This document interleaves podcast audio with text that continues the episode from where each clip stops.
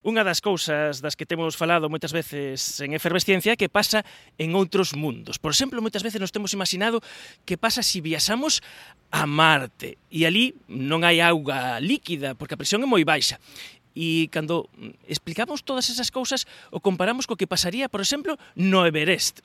E nos facemos esa imaginación deses mundos de o complicado que pode ser o mellor cocer un simple ovo no Everest. Alex, é complicado cocer un ovo no Everest. Es complicado, muy complicado. Muy, muy, muy. ¿Y eso por qué? ¿Por qué pasa? ¿Eso por qué pasa? Eh, bueno, ahí siempre tenemos la misma teoría, ¿no? Eh, eh, en este caso viene un, un, ayudante de cocina de aquí, desde, desde casa, que se llama Eneco, y él tiene la duda, ¿no? Ha salido del, del Monte Gorbea, que tiene 1450 metros, al, al Everest, y decía que él en, a 1450 metros notaba que las alubias ya no se cocían como en casa, a 1450 metros, y decía que era por el agua, que se llevaba en el agua de abajo, no el de arriba, no esa es su teoría, pero yo creo que hay diferentes teorías y habría que explicarlo bien, el tema de las presiones, las cocciones y dónde, a qué, a qué temperatura hierve el agua ahí arriba, ¿no? Es todo diferente, pero por ejemplo, cocinar un arroz en altura o pasta, tardas el doble de lo que tardas eh, aquí a, a, nivel del mar, aquí en Coruña, por ejemplo.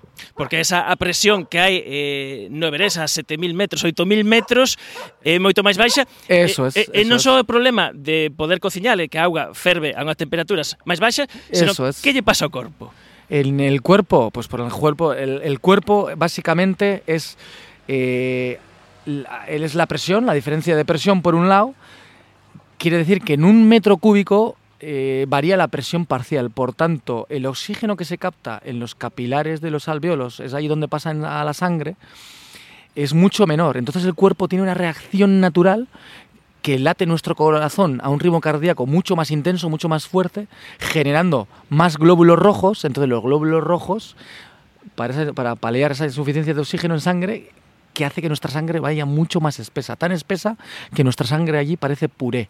Y es más, te haces un corte y no te, lo, no te lo curas en dos meses. Es curioso, es curioso. Y luego cuando venimos de vuelta notas el retorno de la sangre, cómo se te apelmaza en la punta de los dedos, en las extremidades, y pasa tiempo para, para, hacerla más espesa. Por tanto, en la altura sufrimos o podemos padecer de trombosis y bueno, el mal agudo de altura, ¿no? edemas cerebrales y pulmonares. Félix, eh, boas noites. Eh, hai menos de dous meses estaba descompartindo tenda de campaña a... Iglú, perdón. Iglú, iglú. iglú, iglú. A, iglú. máis de... Eh, a, a, escalando o K2 con compañeiros eh, nepalís, montañeiros nepalís, e agora xa estades aquí de volta, porque mm, hai cousas que son difíciles de contar, experiencias que só se poden contar vivindo aí, e escalar o K2 en inverno é unha cousa que ninguén fixo ata agora chegar hasta arriba, pero unha cousa difícil de contar. Sí, la verdad es que, son experiencias muy, muy intensas, eh, son situaciones muy intensas, está uno viéndole las orejas al lobo en todo momento, pues, eh, del posible accidente o la muerte, o, y, se contraponen, pues, eh, los pensamientos. Ahora piensas blanco, luego piensas negro no sé, es y explicar esas vivencias tan intensas pues es, es complicado.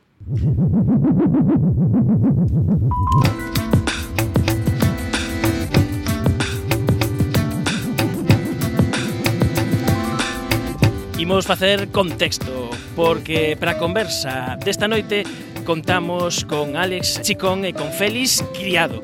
Eh, veñen de estar no K2 facendo o proxecto de eh, chegar ao cumio do K2 en inverno, cousa que ninguén conseguiu. Temos a sorte de que Alex é o líder da, da expedición, anda estes días pola Coruña e ven de dar unha conferencia onde nos atopamos eh, na Facultade de Ciencias da Actividade Física e do Deporte na Coruña, no INEF da Coruña. E, e a verdade que toda a rapazada que escoitou esas dúas horas de charla eh, non deixaron de pastanizar un momento, porque os enganchaches enseguida, como penso que vas a enganchar a toda a xente que nos vai escoitar, porque está esta cuestión de, destes de retos, da escalada, da montaña, pero es que non somos de montaña, só eh, que nos poñades en situación eh, eh, e pensar que escalar eh, dicir en inverno, porque vos decides non o mesmo que escalar en verán, non é ter máis roupa, sí. é moi diferente. Bueno, yo lo primero, bona, bona, boas noites a toda Galicia. Yo no falo el, el galego, lo siento mucho. Es un placer volver a Galicia cada vez que vengo a Galicia, sobre todo la gente que hay aquí en, en, en todo Galicia. Lo bonito que es vuestra tierra, es, de verdad lo digo con el corazón y cada vez lo tengo más claro. Eh, soy un apasionado de viajar y creo que muchas veces no conocemos lo que tenemos en casa ni las diferentes, ni las diferentes realidades. Es un placer estar aquí y, y conversar aquí junto con bueno, nosotros tres en estos momentos y venimos de impartir una conferencia, como bien has dicho, aquí en el INEF, que he disfrutado muchísimo. Hemos podido ver el feedback de los, de los alumnos y he estado pues, bueno, pues muy, muy a gusto, como cada vez que vengo aquí a Galicia. ¿Por qué el Everest? ¿Por qué el K2? ¿Por qué escalar montañas de 8.000 metros en invierno? Pues bueno, pues vienes de, de toda una vida escalando pues por, por casa, entiendes, empiezas a, a viajar, a conocer el mundo y bueno, pues al final los caminos de la vida que nos llevan a, a las escaladas invernales, ¿no? Que creo que es cuando las montañas eh, nos muestran su, su cara más eh, cruda, ¿no? Más difícil, pero también su máxima hermosura, ¿no? Feliz. Sí, yo creo que son vivencias auténticas que, que, que se, ya se han perdido en otras montañas de 8.000 metros en época estival, porque están masificadas, eh, ves un poco pues, pues lo peor de, la civilización y en el invierno sí que eh, uno disfruta de la soledad, de, eh, la naturaleza salvaje, en unas condiciones pues claro, muy duras, por eso está, por eso está uno en plena soledad. Vamos a poñer varios contextos. Hai un contexto importante que o, o equipo, o equipo humano, porque eso non se pode facer esta clase sí. de misións se eh, o equipo non está moi preparado física e mentalmente, pero tamén eh, se hai ese reparto de responsabilidades e sobre todo esa esa confianza eh, cada un no que fai o outro.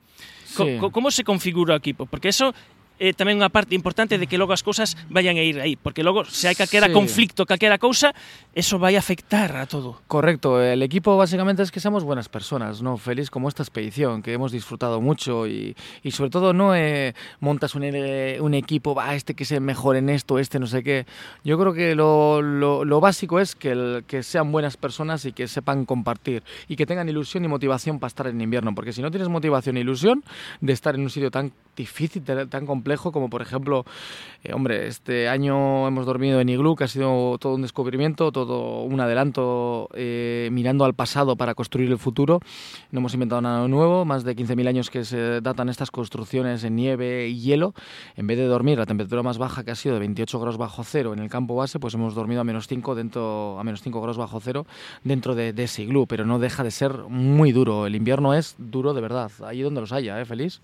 Sí, eh, es inimaginable. inimaginable. Eh... Ti non, non o pensabas, o contaches hoxe, dicir, no. Eh, ti pensabas dicindo, bueno, eso, máis capas de roupa, pero non pensabas que... Uno conoce el invierno de aquí, el invierno de otras eh, cordilleras, eh, conoce pues condiciones duras en, en, en montañas de 8.000 metros en época estival. No tiene absolutamente nada que ver con, con el invierno... Eh, que, que, uno pasa en una montaña de 8.000 metros. Eh, en todo momento el frío te está mordiendo y cualquier cosa que tienes que hacer, el, el quitarte los guantes Sí, en más 30 difícil. segundos, pues tienes inicios de congelación en... en, en Claro, en- es que ahí arriba dedos. son 30 y 40 grados Claro. bajo cero, ¿eh, Feliz? Es duro. Claro, e como se prepara? Porque eh, eh, contabas que levabades 12 capas de roupa. Sí, 12, 10, 9. eh, es difícil tanta capa de ropa, ¿eh? tantas mallas. Cuando estábamos por arriba, yo llevaba este año llevaba 10 capas de ropa. E roupa Y- que facedes vos? Porque Eh, non, esa non. sí, bueno, estamos en, estamos en diferentes marcas de- eh, sponsorizados, pero bueno, al final tienes tus apaños, tus tiradores, tienes tus trucos, cómo, cómo te calzas los calcetines, cómo lo haces. Y al final acabamos llevando solo en ropa, son con, con arnés, eh, crampones y botas y la ropa, pues 10 kilos no te nadie. Es que a mí se me ven aí unha pregunta que o mellor é moi tonta, non o sei, porque claro, esa ropa es, No, no, a, a no. pensades en no hay, no hay- condicións no hay- no hay cosas tontas, al final los oyentes también, no todo el mundo tiene por qué saber de montaña, ¿no? Claro, pero digo, pero para probar esa roupa, que esa roupa vos vai ir en esas condicións tan extremas Sí. de menos 40, menos 50 grados, tedes que probala antes. E claro, eh, como o, o, claro, Sí. se aprobades aquí agora neste momento, e vos poñedes 12 capas, No, eh, aquí en, tedes Coru- en Coruña seguro que hay alguna cámara frigorífica allí cuando vienen Claro. a- donde se mantiene el pescado, pero está claro que en nuestro caso pues lo hacemos años antes y luego pues a Félix eso era su primera expedición invernal y bueno, pues más o menos eh, en las cotas eh, eh, Félix hasta campo 3 era la intención de trabajar, una cosa así, o bueno, verlas venir y con el equipo que llevaste era suficiente, ¿no, Félix? Sí, sí, sí. Eh, aquí un poco la cuestión es... Eh, por ejemplo, el, ponerte unas botas, ¿no? que te tienes que quitar eh, los, las manoplas. Unos guantes no, con unos guantes no te llega, ¿no? Eh, te quitas las manoplas, eh, tienes que tirar de una correa, tienes que esto, tienes que lo otro, subirte una cremallera. es increíble a 40 grados bajo cero cómo te afecta, ¿no?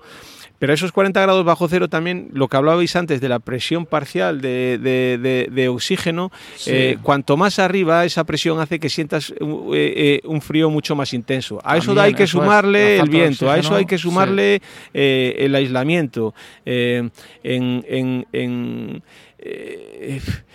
media hora te mueres, no sé cómo explicarlo. Si uno no es capaz de recobrar un poquito el calor del cuerpo cuando le está apretando y en el momento además que te muerde el, frío ya no te suelta, es, es, eh, es una pasada. Eh, en, una expedición estival, pues pasas de la sombra, pasas al sol y ya más o menos te calientas. Eh, a ciertas horas del día, pues la temperatura sube. Pero es que en una expedición invernal está el frío constante en todo momento. Temperatura confort son los 30 grados bajo cero y, vientos fuertes, Es, claro, es lo, que tienes, en lo que tiene que convertirse. Hay una cosa también que es lo que hablábamos antes. Uno sale del campo base y va al campo base avanzado, va al campo 1, tiene que montar las tiendas. Una tienda en, una expedición estival pues tarda en cinco minutos está montada. y eh. en invierno eh, a lo mejor estás una hora y media peleando, quitándote los guantes para pasar las varillas, el viento zurrándote. si no eres capaz de montar la tienda, te mueres. En ese caso tienes que tener confianza. de mi experiencia campista que o más complicado montar la tienda é que entres al lado e non pelexar para ver cómo montar a tenda, eh. que é unha terapia de, de parella, de grupo moi interesante, montar unha tenda de campaña que se vai facer en todos os sitios, non eu nesas condicións nas que eh, estás esperando para ter ese, ese, ese refuxo e que as cousas vayan ben e cada minuto que perdes... Eh... Sí. Es lo que de montar la tienda, eh, ¿te acuerdas en el campo 2 este año, en el K2? Pues nos llevó más de una hora y cuarto y es que éramos incapaces de montar la tienda. Tú, ah, sujetando la tienda para que no volara, Chapal y yo allí, eh, otro compañero, y aguantando y nos echamos encima y, ráfaga y ráfaga y ráfaga y yo ya estaba pensando digo vamos a tener que dejar que vuele la tienda o echar piedras de jarras y tal cual y bajándonos corriendo para abajo. Es que si no era imposible pero es que una hora y cuarto. Y me imagino que nuestros oyentes también eh, habrán montado alguna tienda de campaña.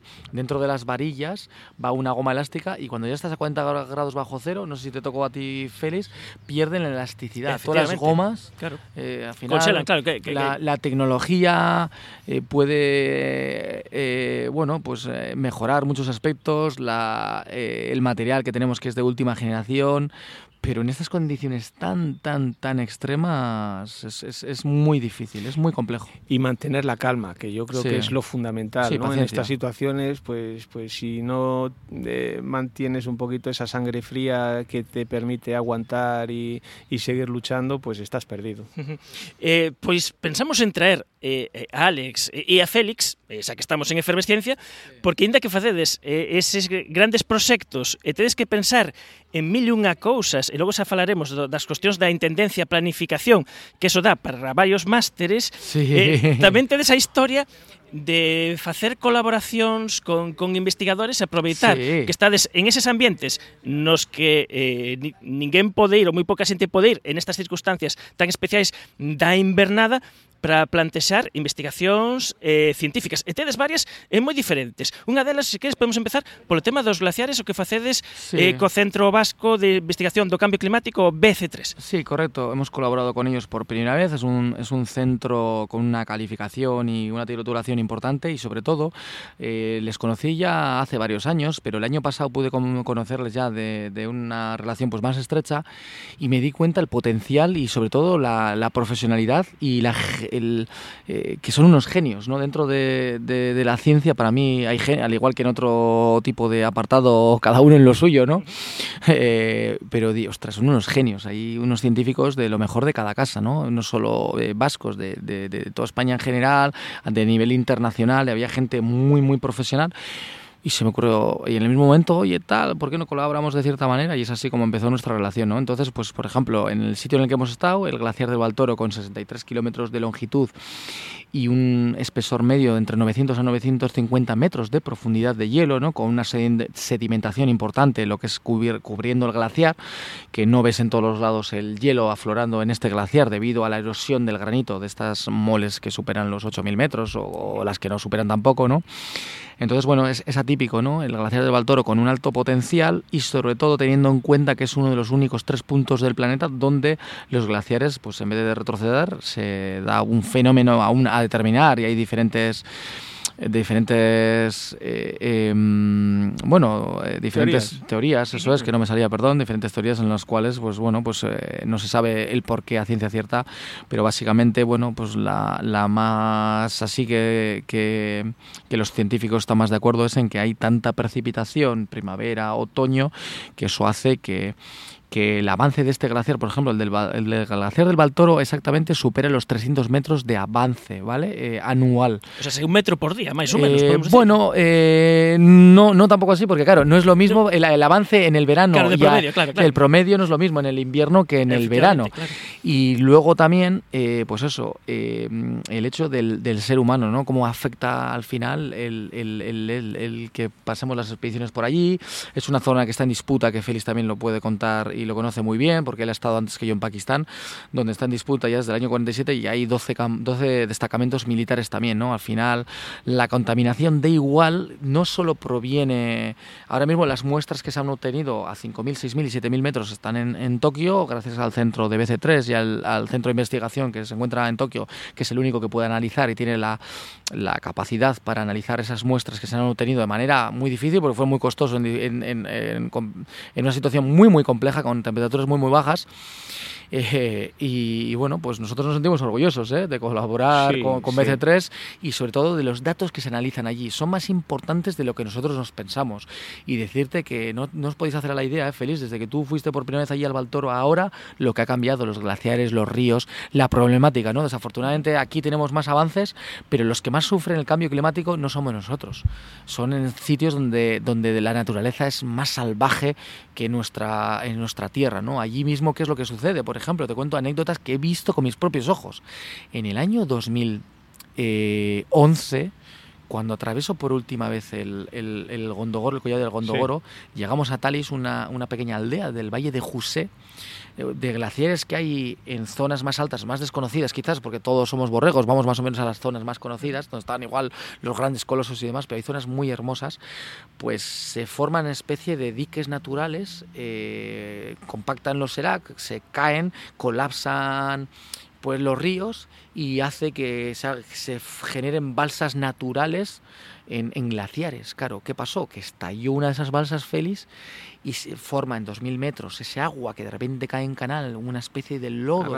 y, son avalanchas de lodo sepultando más de 100 casas en esa aldea. Desafortunadamente tan solo fallecieron dos personas y un montón de animales que tenían entonces pues en las cuadras.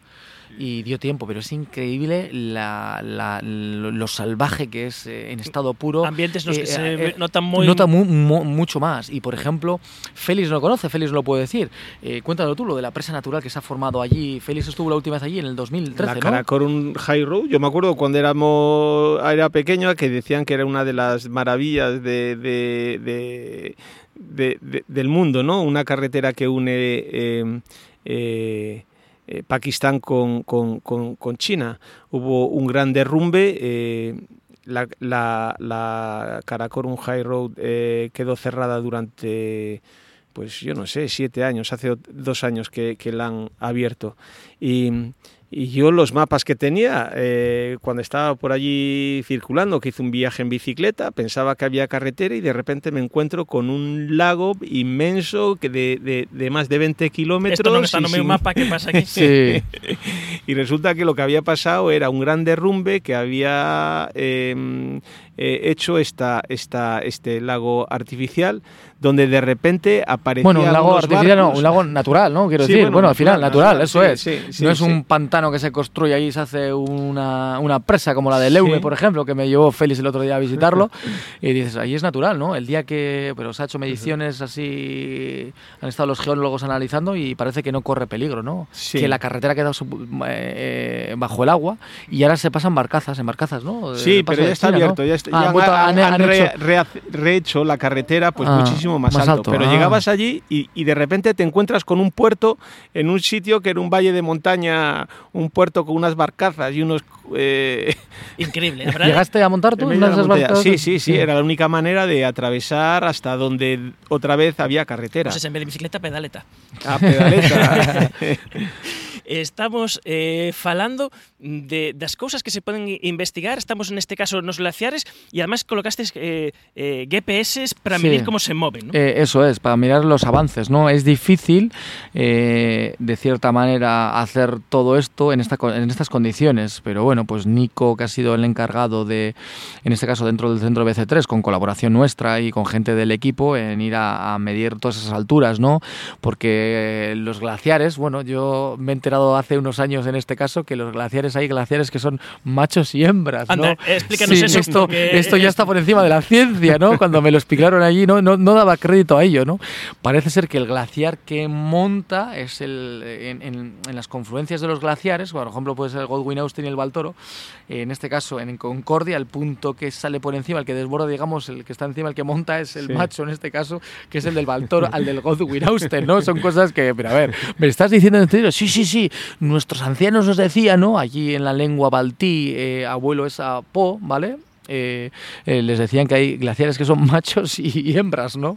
Eh, pero sobre todo los glaciares decir eso, que, que es increíble, ¿no? La información que nos dan, el avance y cómo pues, desde BC3 pues, han analizado y han medido, han hecho mediciones en invierno que no se han hecho nunca. Una cosa hacerlo en la época estival, como decía Félix, pero salir en invierno o snow pits. Snow pits son catas de nieve que se han hecho en, en zonas, claro, como tampoco hay tanta nieve en invierno, que eso también la gente Sí, piensa... porque, porque o, o da neve tens que explicar, porque facer o iglú, que pode parecer moi sinxelo, esa é unha neve moi seca e que é moi complicada de facer bloques de, de, de apelmazar Sí. e, e require... Sí, una- un a me- súa- cuando nieva por aquí en Galicia, pues un metro cúbico por la humedad y lo de la cerca que estamos de, de la costa, por ejemplo, pues un metro cúbico puede pesar en torno a 650 kilos tranquilamente o, o 600 mínimo, pues un metro cúbico de nieve eh, a, c- a 4.950 metros, 5.000 metros, como hemos estado en Pakistán, con la poca humedad que hay, pues pesará en torno de 150, máximo 200 kilos. Es que la nieve no pesa, no, no, no, no, tiene peso, tiene tan poca humedad tan poca humedad, perdón, que no tiene, no tiene agua, entonces eh, tiene menos humedad. Entonces, eh, eso quiere decir a la hora de construir los iglús que fue un acierto y construir un iglú encima de un glaciar, que tiene ese movimiento, ese, avance, ¿no? Nos generaban unas tripas por dentro, pero bueno, ha sido espectacular. Y, y lo que decía, los snow pits, los snow pits son eh, catas, vamos a decir catas en los ventisqueros, porque allí nieva, nieva en, en el otoño y luego ya en la primavera. En invierno hace tanto viento y tanto frío y tan poca humedad que no, no hay tanta precipitación como puede ser en la primavera, verano o en el otoño. Entonces, el Snow Pit, eh, hicieron una, uno de de los Snow Pit, fueron Bruno y Nico, hicieron un Snow Pit de dos metros en una zona donde se acumulaba nieve y bajaron hasta dos metros y iban tomando diferentes mediciones de temperatura, humedad y diferentes muestras que serán analizadas también. Y ahí se puede determinar con ciencia cierta. eh, eh, yo creo que el cambio climático es algo que debe de afectarnos a todos, a todo ser humano, a los más de 7.000 millones de habitantes que estamos en, en este planeta, porque creo que merecemos dejar eh, bueno, nuestra existencia o nuestro paso por, por este planeta, debemos de dejarlo mucho mejor de lo que lo hemos encontrado ¿no? a las generaciones posteriores. Y nos debe de afectar porque al planeta le hemos hecho un daño que yo creo que estamos en una fase irreversible, eh, estamos aún a día de hoy destruyendo, creo que bueno, pues las É que, normas eh, que... o, o vemos, Sí. pero, pero non o Pero asimilamos. no- sí, no asimilamos. Eh, no, eso de montañas de plástico que vemos y no sé qué, pero el daño que se ha hecho, como están eh, las, las especies, tanto debajo del agua como encima, en, en el mar, no en el mar, en el interior, los cauces, los ríos, eh, el tema de la combustión fósil y demás, teniendo el sol, la energía solar, yo creo que hay eh, capacidad suficiente pues, para generar energía, pero es verdad que, que luego nadie quiere centrales térmicas, pero todo el mundo quiere tener luz, todo el mundo quiere tener carreteras, todo el mundo tiene, joder, si, si está asfalto, claro, pero es que todo el mundo queremos de todo comodidades y quizás tenemos que retroceder un poquito atrás, salir un poquito del plástico de esa era y, ser consecuentes. Por ejemplo, eh, Mariquiña, eh, eh, la mujer de Félix en este caso, con el plástico, cómo recicla las bolsas, y parece cosas y desde que Félix me lo contó, es verdad, no, vamos todos al supermercado y todos, y bolsas de plástico, y plástico, y plástico, y plástico. Y hoy es el día que entro a un supermercado y me echa para atrás. Para mí es algo negativo ver tanto plástico. Hmm. Es increíble e e es... mesmo reciclades porque mesmo, bueno, o lixo que se bota Pero, nas expedicións eh, sí. eh, alpinas, vos decides, bueno, por lo menos poñemos o noso graiño e nós o que poidamos podemos Ten, tenemos que todo ser conscientes y tenemos que educar y tenemos que tenemos una responsabilidad directa, no una responsabilidad subsidiaria de dar el conocimiento que se tiene en Europa hacia la gente de Pakistán, por ejemplo, o de Nepal. Vamos, los plásticos los bajamos, las latas, eh, eh, el baño, todas las heces, todo se ha hecho en unos bidones que eso luego se baja ahora en la primavera porque tenemos el material allí depositado y se bajará todo, plástico, ¿te acuerdas? Las pilas, reciclarlo todo y sobre todo, pues por ejemplo ahora tengo mis dudas, digo, no soy un experto en, en, la materia, pero mm, hemos sido muchas personas felices y lo comentamos en el campo base, la orina la orina, en el momento que toda la orina, claro, allí vemos mucha, mucha agua, porque la deshidratación es importante. Cada vez que vemos eh, que abrimos, que respiramos dentro del iglú o en la tienda de campaña, por las noches, perdemos ese agua de vapor que expulsaba nuestro cuerpo. Entonces, la deshidratación es mucho más importante, tenemos que ver mucha más agua, orinamos mucho más en el campo base. Y yo estoy mm, pensando en cómo toda esa orina, juntarla, qué podemos hacer con ella, porque al final eso cuando se derrita también, el glaciar, un glaciar como el Valtoro, pues bueno, pues si al menos los dos meses que hemos estado en ese campo base, las 12 personas, no sé, a dos litros de media de orina diarios, son muchísimos, muchísimos litros, que no lo hemos pensado, ¿eh? ¿Qué hacer con ello? Dices, ostras, claro, estamos en entornos muy protegidos, pero luego no nos damos cuenta de cosas porque con el calor hay, hay, hay, que explicar también una cosa, habrá mucha gente que le parezca de perogrullo, pero con el frío el problema que hay con las heces y con, y con la orina es que no se descompone. Uno aquí, pues con el Que queda de un a outro, podes ver, eso, eso de que está cagada claro. o a expedición pasada, sí, certo. Sí, sí, sí, sí, sí, tal cual, tal cual. Y, y, y cuanto antes eh, uno intente eh, minimizar... Eh, eh, pues esos daños que, que, está generando, pues antes más durará, ¿no? Eh, claro, ese entorno más limpio. Por ejemplo, las heces, bueno, pues hemos hecho un esfuerzo mm. nosotros, pues han sido seis bidones y tienen peso y eso hay que pagarlo, ¿no? Eso se paga, ¿no? no y luego sobre todo que todo el mundo vaya ahí y es concreto y los papeles, todo, todo, todo se ha reciclado todo, salvo la orina y la orina caro, pero no tenemos ese poder adquisitivo para dices, oye, pues de alguna manera, pero yo creo que habrá sí, la manera y lo, lo, tenemos que buscar, este, ¿no? Este proyecto científico seguro que tiene algo mejor, sí, algún aparato que descompone. Sí, alguna forma de, bueno, eh, Bill Gates eh, que estaba un dos proxectos que estaba auspiciando eh, crear o váter do século XXI porque foi unha tecnoloxía sí, que desde o século XIX non, non evolucionou e nos sitios remotos onde non hai nin agua ni luz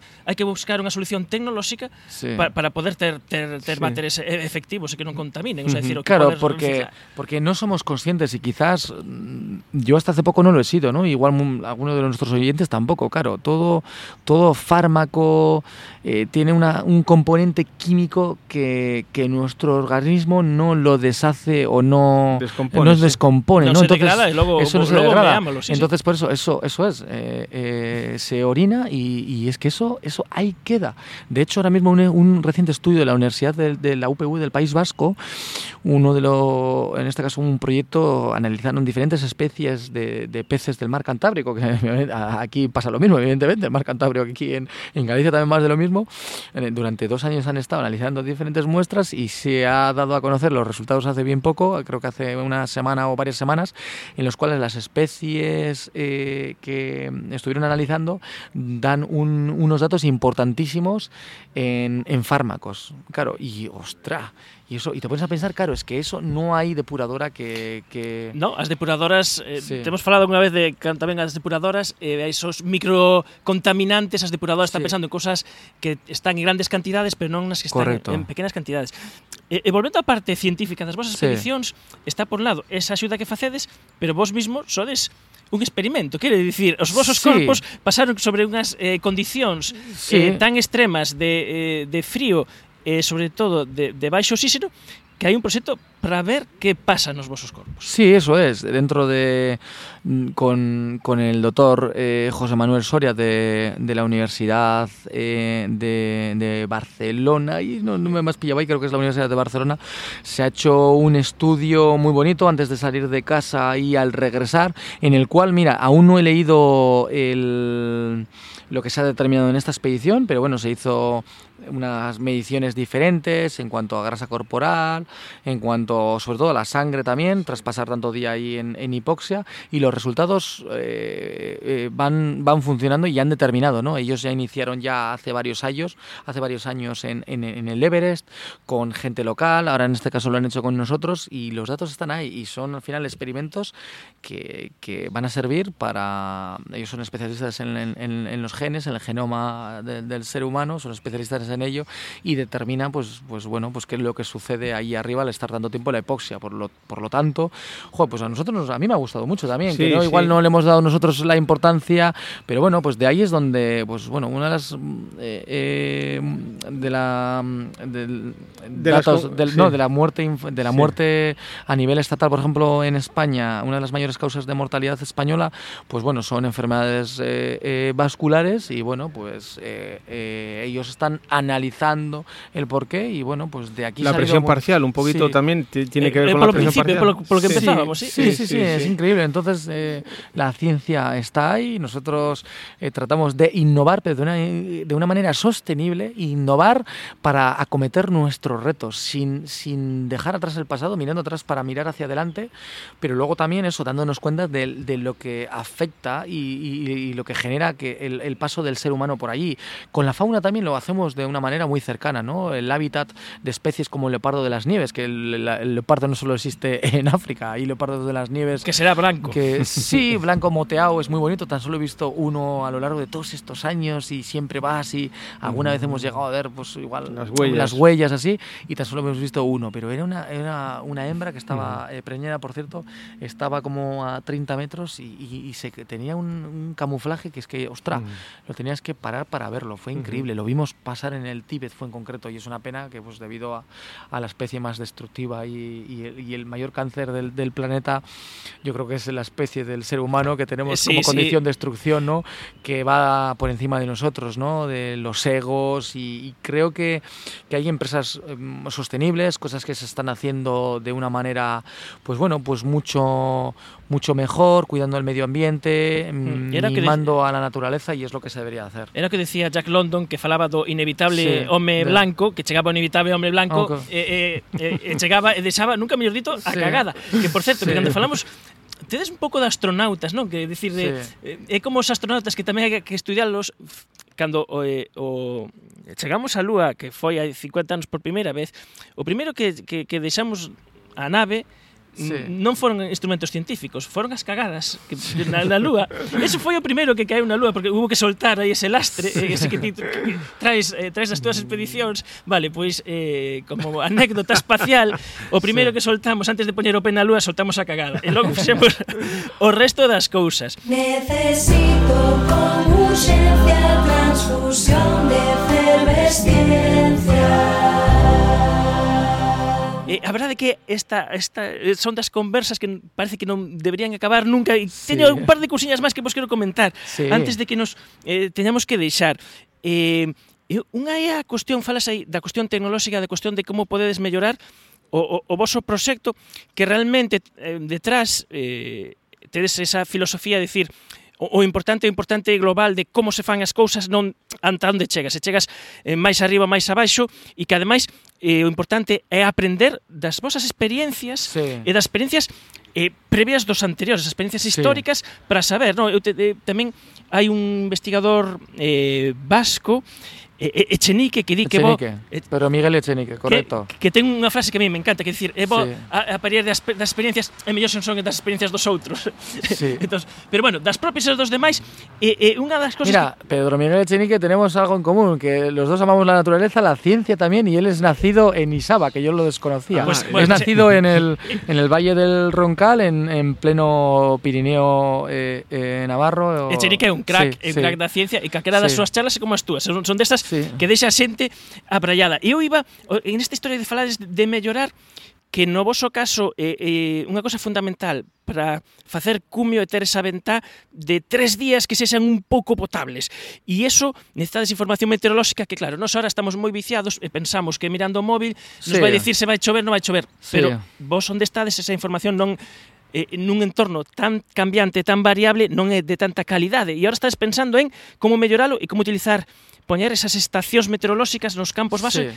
que vos poden dar esa información, esa información. de calidade. Pero estamos trabajando, la semana pasada estuve ya tres horas con, con un equipo de personas eh, aficionados, cada uno tiene su trabajo, en- principalmente son radioaficionados, y bueno, pues últimamente han lanzado, pues eh, bueno, han dejado desde una escuela, hace una semana soltaron un globo de helio pues con las cámaras y llegó hasta 38.000 metros hasta que explotó, tienen todo controlado, cuánto helio se le mete, saben, calculan la precisión, eh, cuándo, va cuándo va a estallar, y bueno, pues aterrizaron las cámaras en Zaragoza, tienen a tiempo real por un sistema de, de radiofrecuencia, fotografías y luego el vídeo, bueno, eso es espectacular. Entonces, bueno, pues con ellos creo que montar estaciones meteorológicas se pueden montar en campo 1, campo 2, campo 3, pero cómo envías esos datos desde esas cotas a campo base. E non se machacan as baterías. Eso es, baterías y bueno, pues ahí estamos ya y este viernes que viene hemos quedado con ellos, bueno, este viernes, esta misma semana he quedado con ellos para ir analizando todo eso. Eh, Outra cousa, eh, eh, temos que ir eh, moi rápido, claro, estamos falando agora eso, de, desa parte científica, parte da expedición, falamos do equipo humano, está todo o tema da planificación, da previsión, do, do ver e toda a intendencia de todo o que mm, pode pasar sí. e, e ter esa imaginación de levar como es, na mente das 5.000 cousas que poden pasar ter os factores o maiormente controlados e, e eso eh, quere dicir que a expedición, e da que esa expedición estuvestes eh, 59 días, non dura 59 días, sino dura todos os meses, eh, probablemente anos previos nos que está planificando. Sí, eso es, que son meses antes hemos estado preparando muchas cosas y no solo es en la montaña. Tú si llegas a la montaña y dices, joder, la tengo aquí enfrente, me quiero subir a su árbol, pero eh, me pongo a escalar a subir este árbol que tiene a este platanero, si no me equivoco, te pones a subir a ese platanero en, en, en, en- sin pensar. Es decir, venga, empiezo a agarrarme, empiezo a subir. No, antes de a encaramarte a ese platanero tendrás que ver cómo subirte, ¿no? Y ver dónde están las fisuras correspondientes. Entonces, claro, si vamos una expedición y no hemos pensado nada, no hemos calculado nada, no hemos pensado, llegamos, venga, venga, pa, pa, como te quieres. No, hay que pensar mucho de antemano para poder eh, eh, acometer esa extensión. No, no llegas sin pensar y no, no, hay que pensar mucho las cosas y de antes. E, e tamén está o, o lado de que nesta última expedición o K2 eh, houve moitos días no que tivestes que cambiar os vosos plans sí. por, por facer solidaridade eh, na montaña, por sí.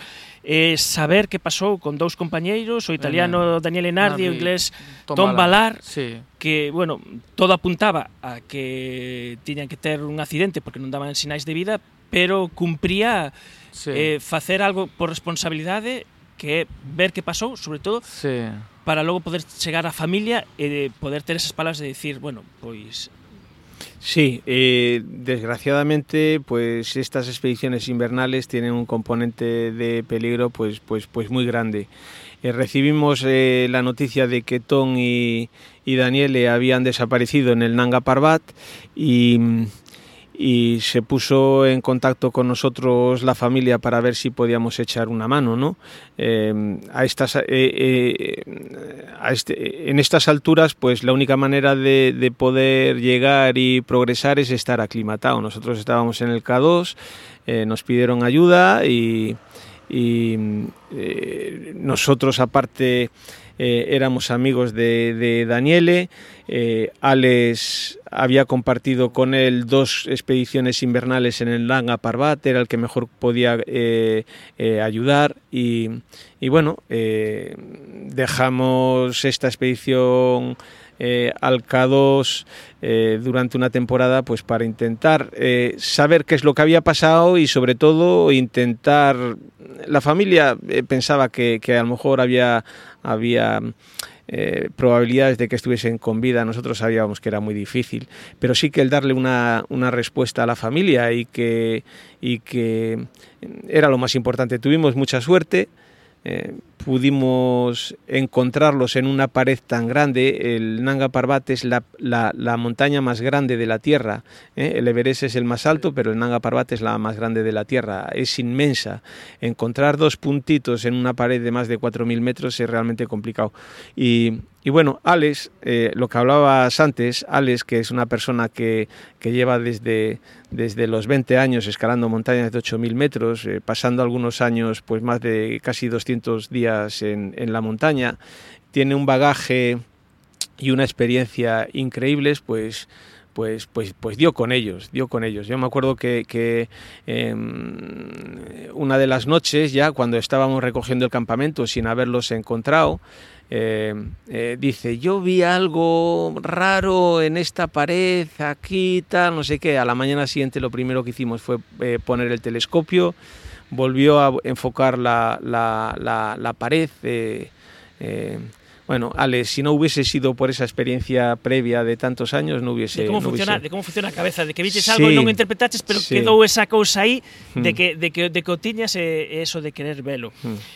Eh, bueno, xa non temos eh, tempo para máis, eh, e E ademais, bueno, podríamos creo que estar falando horas e horas de, misturando ciencia, aventura, eh, deporte, unha chea de cousas pero non quería despedir eh, este tempo de parolada que estamos tendo aquí eh, tan agradable con o noso equipo portátil eh, que amablemente nos montaron aquí unha mesa a xente do INEF Coruña para poder falar con vos e, e falar que, bueno, que Alex Chicón estivo aquí na Coruña porque os de AMI, a agrupación de montañeiros independientes, estivistes aí ampliando instalacións e ora pois tedes así para que toda a mocedade poida facer iniciarse na escalada, pois tedes aí unhas novas instalacións aí no parque moi preto do parque de Santa Margarita. Sí, en La la, Coruña. En la calle Padre de Sarmiento número 8. Está invitado todo el mundo que quiera y tenga curiosidad eh, eh, acercarse y, y- y, bueno, poder mostrarles eh, esta instalación que está pensada fundamentalmente en los chavales ¿no? y en las nuevas generaciones eh, que están apretando muy fuerte.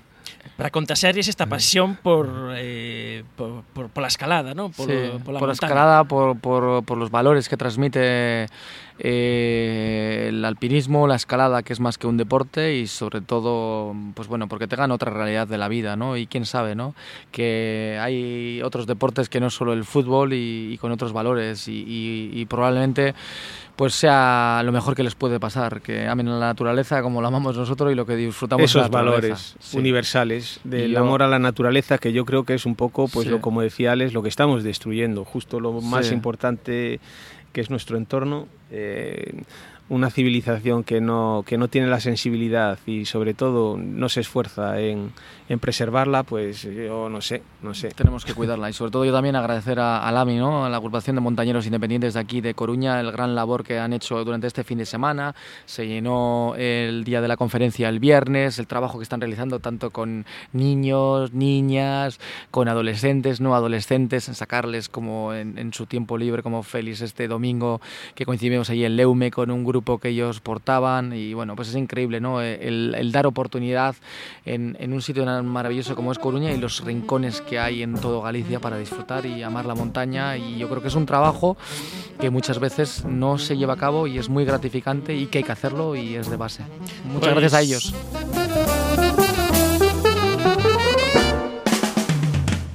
Grazas a Ami, gracias a Félix Criado e Alex Chicón, pero nos foi unha auténtica aventura, un goce intelectual que nos levarades a outros mundos onde non podemos nin tan siquiera imaginar pero que nos transmitirades a vosa experiencia e que tamén eh, aproveitáramos, como, como non, para falar tamén un poquiño de ciencias, das cosas que se poden investigar.